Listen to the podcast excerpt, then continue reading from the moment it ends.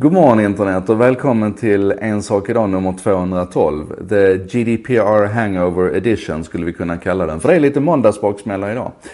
I fredags så trädde ju GDPR i kraft, den nya dataskyddsförordningen. Den som eh, står för General Data Protection Regulation och som ska skydda vår personliga integritet och ge oss mer kontroll över vår personliga data. Och ingen har väl kunnat undgå att märka hur det har drösslat in mail de senaste veckorna. Hela vägen till långt in på fredagsnatten och en del eftersläntrare under helgen också.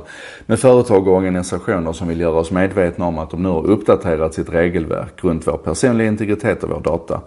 De allra flesta av de mejlen var egentligen helt meningslösa. Enligt GDPR så hade man kanske inte behövt skicka dem. Men nu är det så. Det är lite panik här i, i stugan.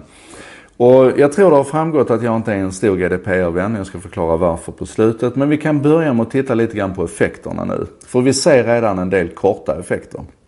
Det här kommer att spela roll under lång tid framöver. Men saker som vi kan konstatera redan det är att Vissa företag och organisationer har helt enkelt valt att begränsa Europas åtkomst på olika sätt, eller EUs åtkomst på olika sätt. Och vi kan börja i medievärlden där LA Times och en, deras ägare, koncern med 46 olika medietitlar, har valt att stänga av EU helt och hållet. Om du sitter i Europa eller du uppfattas som att du sitter i ett EU-land så kommer du inte åt deras sajter. Testa att gå till latimes.com själv ska ni se. Eh, då, får ni, då får ni bara läsa så här att unfortunately our website is currently unavailable in most European countries. We're engaged in the issue and committed to looking and committed to looking at options to support a full range of digital offerings to the EU market. Och det är helt enkelt så man har förmodligen konstaterat att utifrån de annonslösningar som man använder så är det här för dyrt och besvärligt och, och försöka åstadkomma en EU-variant. Så att vi, vi stänger av EU helt och hållet istället. Det är en radikal konsekvens. En annan konsekvens som man kan se det är om man går till npr.com. National Public Radio som är ett fantastiskt nätverk som skapar eh, radio, poddar och så vidare.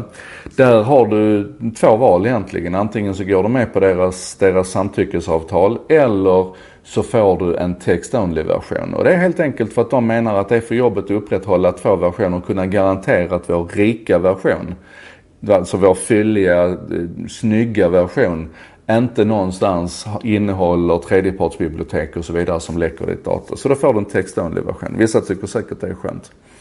Eh, Forbes.com, eh, affärstidningsnätverk eh, kan man säga, eh, har ett otroligt komplicerat samtyckesavtal där du i olika grader, du ska dra i regler och ställa in liksom och, och greja innan du kan komma åt deras sajt.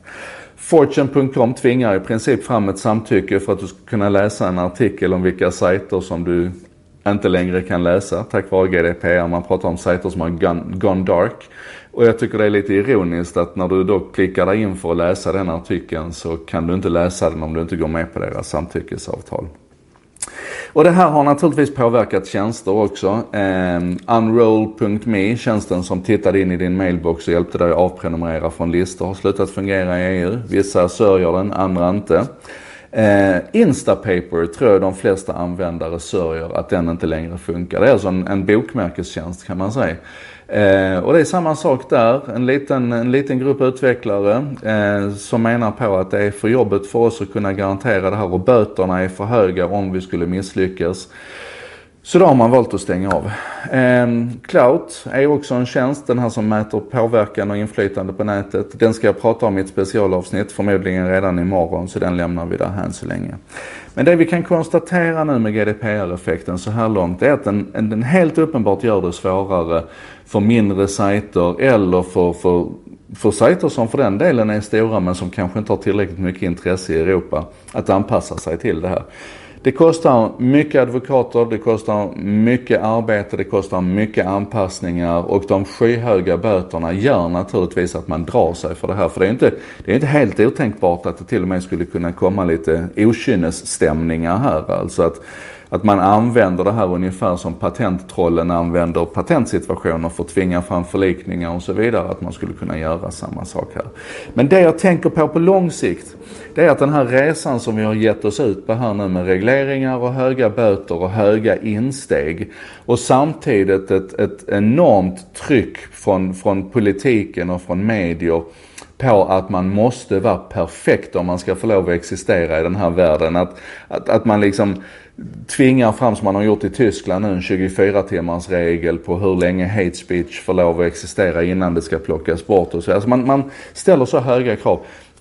Det här gör det omöjligt för nya aktörer att komma in på den här marknaden. Jag menar, Facebook och Google har inga problem. Om ni tittar på deras sajter, de har inte en enda tredjepartstjänst inblandade och inga externa kakor för de, de kan göra allting själv. De är så stora så att de har redan de resurserna.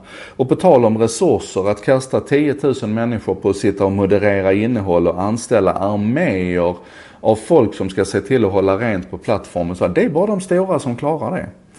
Så den långa effekten av det vi gör med GDPR och det trycket vi sätter på de så kallade nätjättarna nu, det är att vi höjer insteget till en nivå där vi, där vi hindrar all innovation, all utveckling. Vi gör det omöjligt för någon att kliva in på den här marknaden. Och jag vill bara att vi ska vara medvetna om vad det är vi har skapat. Jag är inte helt säker på att det är alltigenom genomgått det här vi håller på med nu. Mer om det sen. Det här var En sak idag nummer 212 skapat av mig Joakim Jardenberg med benäget bistånd av vännerna på Bredband2. Eh, internetoperatören som gärna lyssnar när andra snackar. Det textas och översätts till svenska och engelska av Contentor som arbetar med modern marknadsföring, redaktionella texter på nätet och översättningar. Fram emot lunch varje dag så finns En sak idag på svenska och engelska och det är magiskt bra. Klura nu på det här. Eh, vad är det för monster vi skapar? Hur vill vi ha det egentligen? Och så ses vi imorgon igen. Ha det bra.